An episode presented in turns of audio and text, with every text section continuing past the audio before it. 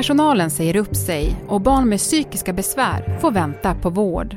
Det kan innebära då en väntetid på upp till ett halvår, ett år ibland. Köerna inom barn och ungdomspsykiatrin runt om i landet. BUP har brustit i tillgänglighet. Barn och ungdomspsykiatrin har krisat i flera år. På en kvart får du veta varför så många barn riskerar att hamna mellan stolarna och vad som skulle behöva hända för att systemet skulle fungera. Det är torsdag den 18 augusti och jag heter Alexandra Karlsson. Det här är dagens story från Svenska Dagbladet.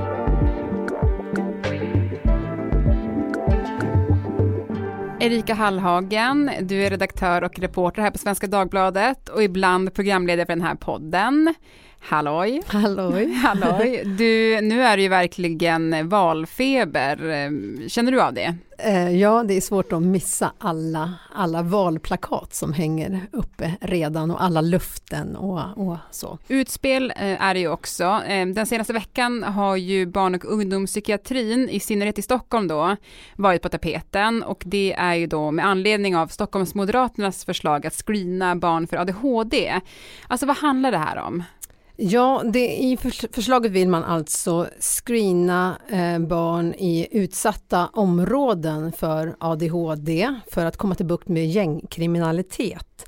Eh, och obehandlad ADHD kan vara en riskfaktor för kriminalitet.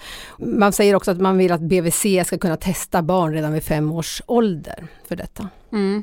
Det här förslaget har ju väckt otroligt mycket reaktioner. Alltså, om du skulle sammanfatta lite, vad, hur har det låtit?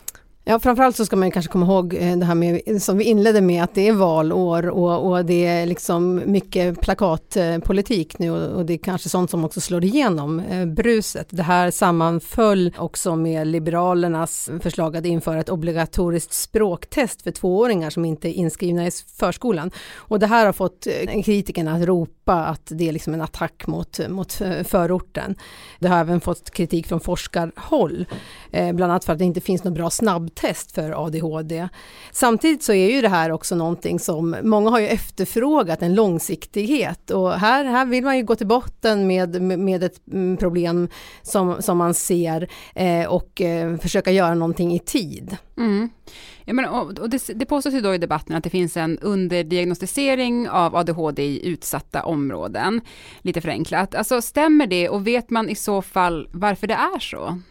Ja, det här är ju någonting man kan se, mm, titta på siffror från Socialstyrelsen, att barn med två svenskfödda föräldrar har fler eh, diagnoser än barn med två utlandsfödda eh, föräldrar. Och då kan man ju hävda att det finns en överdiagnostisering eh, för barn med, med svenska, eh, svenskfödda föräldrar. Men, men det kan också vara så att man inte kommer åt eh, ett problem och att det kan finnas eh, olika anledningar till det, att det, det, kan finnas ett stigma kring, kring att ha en diagnos. Eh, det kan också vara svårt om man är utlandsfödd att veta hur man ska söka vård och ta sig in. Det, det är svårt även för eh, oss som är svenskfödda föräldrar att veta. Om vi lämnar det här enskilda förslaget lite grann och istället pratar om liksom debatten som den sätter ljus på. Och det handlar ju nämligen om barn och ungdomspsykiatrin, alltså BUP. Eh, alltså den har man ju hört krisrubriker om länge. Vad är det som inte funkar? Framförallt är det väldigt långa köer eh, och det är svårt att, ta sig in eh, till BUP. Eh, och personalen vittnar om en allt tyngre arbetsbelastning och många lämnar också BUP. Mm. Och i Region Stockholm då försöker man nu få bukt med det här genom en omorganisation som du har skrivit om. Alltså vad är det som ska göras? Ja, det är många förändringar på gång samtidigt. Eh, framför allt så, så ska man göra om eh, de 16 BUP-mottagningarna i Stockholm till 9. Eh, det vill säga att man kommer ha ett mycket större patientunderlag. Eh, och Moderaterna motiverar detta med att man hoppas kunna bemanna mottagningarna bättre. Alltså komma åt det här som vi pratade om tidigare, att man ska kunna ha eh, fler, mer personal på en mottagning och få stöd av andra helt enkelt. Och man hoppas också kunna få bukt med de här långa köerna med hjälp av detta. En annan sak som är ny är att BUP ska ta över ansvaret för ADHD och ADD-diagnostiseringarna och även insatserna som följer om man får en diagnos.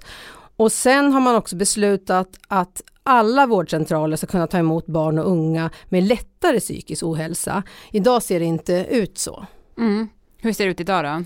Idag, så, ja, idag är det många som inte har den kompetensen och då hänvisas man vidare. Även det kommer fortsatt vara så kan man tänka sig att mindre vårdcentraler kanske inte kommer kunna ha den här kompetensen och då måste de knyta sig till en annan vårdcentral så man ska kunna hänvisa patienten vidare. Mm.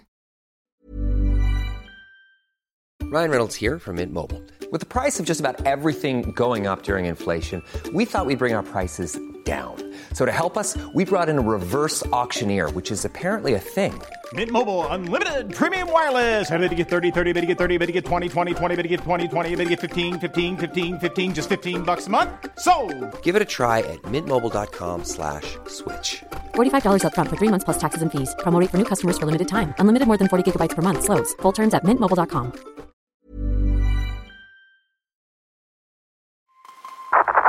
Några månader i ett barns liv är väldigt mycket längre än några månader i en vuxens liv faktiskt. De här långa köerna beror bland annat på personalbrist. Ett annat problem är, enligt vårdpersonal som SvD pratat med, att av de specialistläkare som finns så jobbar för få av dem inom öppenvården, där de allra flesta patienterna finns. Det gör att det kan gå en läkare på 1500 inskrivna barn på den öppna enheten. Att jämföra med fyra läkare på 30 barn, vilket är situationen på specialenheterna, där till exempel barn med psykoser och tvångssyndrom vårdas. Du har ju pratat med, med många experter. Alltså, eh, vad tycker de att man ska göra? Alltså de pratar framförallt uh, om vårdkedjans roll, att det, att det är väldigt snurrigt hur man ska gå tillväga när man söker vård. Och det är lite av en labyrint att hitta rätt redan, eh, även när man är inne uh, i, har, har liksom fått ett första möte. Och ofta så blir man utredd av mång, väldigt många instanser och det händer också att man faller mellan stolarna. Det finns någonting som heter första linjen som är för lättare psykisk ohälsa.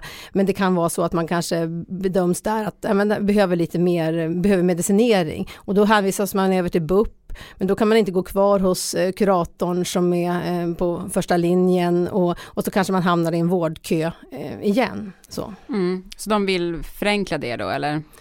Ja, alltså de önskar en tydligare vårdkedja. Det är väldigt, väldigt snurrigt. Eh, och många av vårdpersonalen som jag pratat med efterfrågar också en långsiktighet, inte massa quick fix, utan att man tittar på hur kan vi fixa det här så att det blir bra på sikt och en slags enhetlighet också över hela landet. Och så har vi också elevhälsan som kommer in som ska vara en slags första instans eh, som ska kunna larma eh, vidare. Och det samarbetet funkar inte eh, så bra idag menar många. Mm.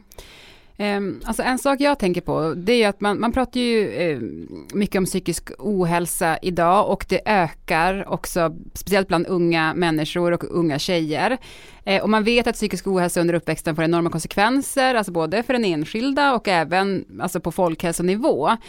Ehm, och då frågar man sig ändå, typ, hur kommer det sig att det inte funkar bättre? Man blir lätt svarslös inför en sån fråga. Det finns egentligen ingen bra eh, anledning. Eh, kanske är det det här gamla vanliga att barn och, unga inte, eh, inte riktigt tas på allvar. När man tar en titt på hur vårdkedjan funkar idag så ser man liksom alla flaskhalsar och, och brutna länkar och då känns det kanske som att man borde göra liksom rent bord och, och börja, om, börja om på nytt. Eh, och eh, det är kanske det man försöker här med i och med den här omorganisationen av BUP. Eh, men den är ju fortfarande, BUP är fortfarande kraftigt underbemannad och ihopslagningar av enheter, det är inte alltid det brukar leda till mer personal. Det kanske vi kan se från skolans värld. Så att det återstår att se eh, om, om, man kommer, om man kommer öka personaltätheten. Mm. Jag, jag sa ju där att, att eh, psykisk ohälsa är jätte Eh, stort problem bland unga människor. Men, men, men hur mår barnen idag? Ja, alltså e-, enligt Socialstyrelsen så, så har de barn och unga som vårdas för psykiatrisk ohälsa ökat under de senaste åren och, och även IVO, Inspektionen för vård och omsorg, visar på stora brister just i samordningen när det kommer till barns psykiska mående. Och, och, och, då pekar de också särskilt på samverkan med skolan eh, och elevhälsans eh, roll. Och antalet barn som får vård för ADHD och autism och, och även de här, och, får den här liksom båda diagnoserna har ökat kontinuerligt under det senaste decenniet. Då får man inte röra på sig tillräckligt mycket som man behöver och då kan man bli väldigt arg. Det finns ju många olika sorters psykisk ohälsa hos barn. Men de neuropsykiatriska diagnoserna, som lite förenklat handlar om hur ens hjärna fungerar, är vanliga. Och en av de vanligaste är ADHD. ADD är en variant av ADHD, men utan överaktiviteten. Hos vuxna tror man att mellan 2 och 4 procent av svenskarna har diagnosen ADHD. Hos barn är den betydligt vanligare. Det beror till viss del på att antalet utredningar har ökat kraftigt de senaste åren. Det är dubbelt så många pojkar som flickor som får en ADHD-diagnos. Nästan var tionde pojke. Och det är även stora skillnader i hur många barn som fått diagnosen mellan olika regioner och socioekonomiska grupper. Men Erika, hur är det med det där? Måste man ha en diagnos för att få stöd att ta sig igenom skolan?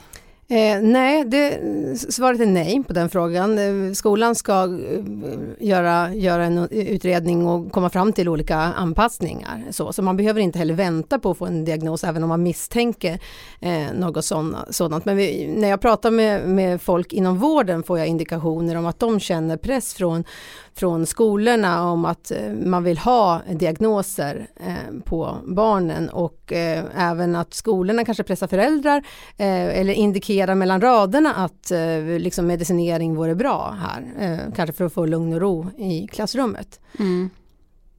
Ja, men och, och, och, och, då menar väl experter som du har pratat med att, att problemet, själva problemet ligger i skolan. Alltså vad menar de då?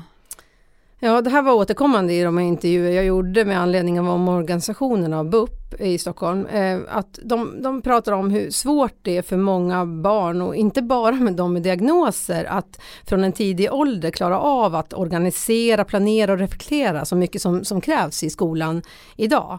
Förenklat är många av de här förmågorna som efterfrågas sådana som sitter i frontalloben som inte är färdigutvecklad förrän vi är i 25-årsåldern.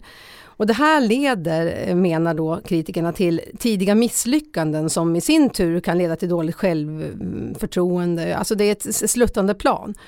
Eh, och även den här frontalloben påverkas mycket av stress och många barn idag uppger just att de är stressade av olika anledningar. Att nå kunskapsmålen, klasserna är stora, eh, skolpersonalen färre, eh, plus att barn, precis som vi vuxna, är uppkopplade hela tiden. Så att liksom, man får ingen riktig vila och återhämtning. Mm. Så, så liksom läroplanen kan också skapa den här psykiska ohälsan, menar de då eller? Ja, bidra till den. Mm. Mm.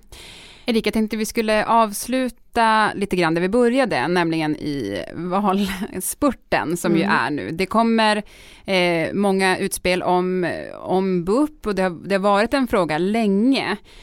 Jag tänkte, finns det några goda exempel på barnpsykiatri som funkar? Som, vi, som man kan lära av? Som man kan lära av? Ja, till exempel kan man nämna ett eh, projekt med lågstadiebarn på Hammarkullskolan i Angered utanför Göteborg.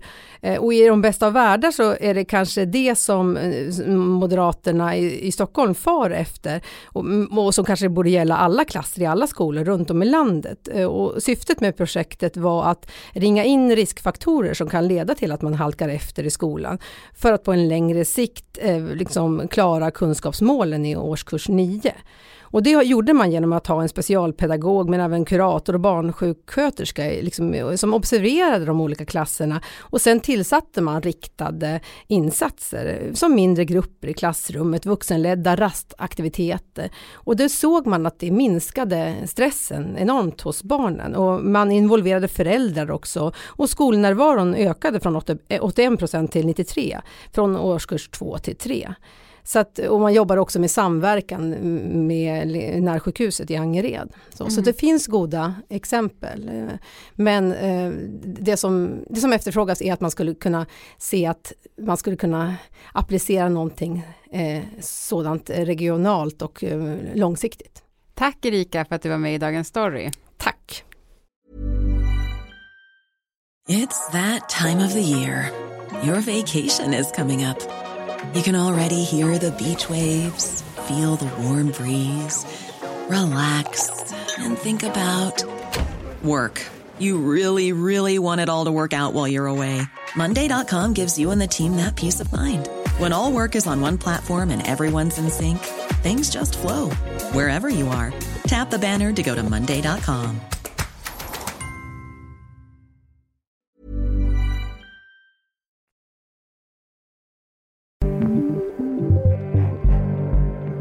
som gjorde programmet idag är producent Elin Romeliotto, redaktör Teresa Stenle von Matern och jag heter Alexandra Karlsson. Vill du kontakta oss så mejla till dagensstory.svd.se. Klippen i programmet kom från SVT, Sveriges Radio och TV4.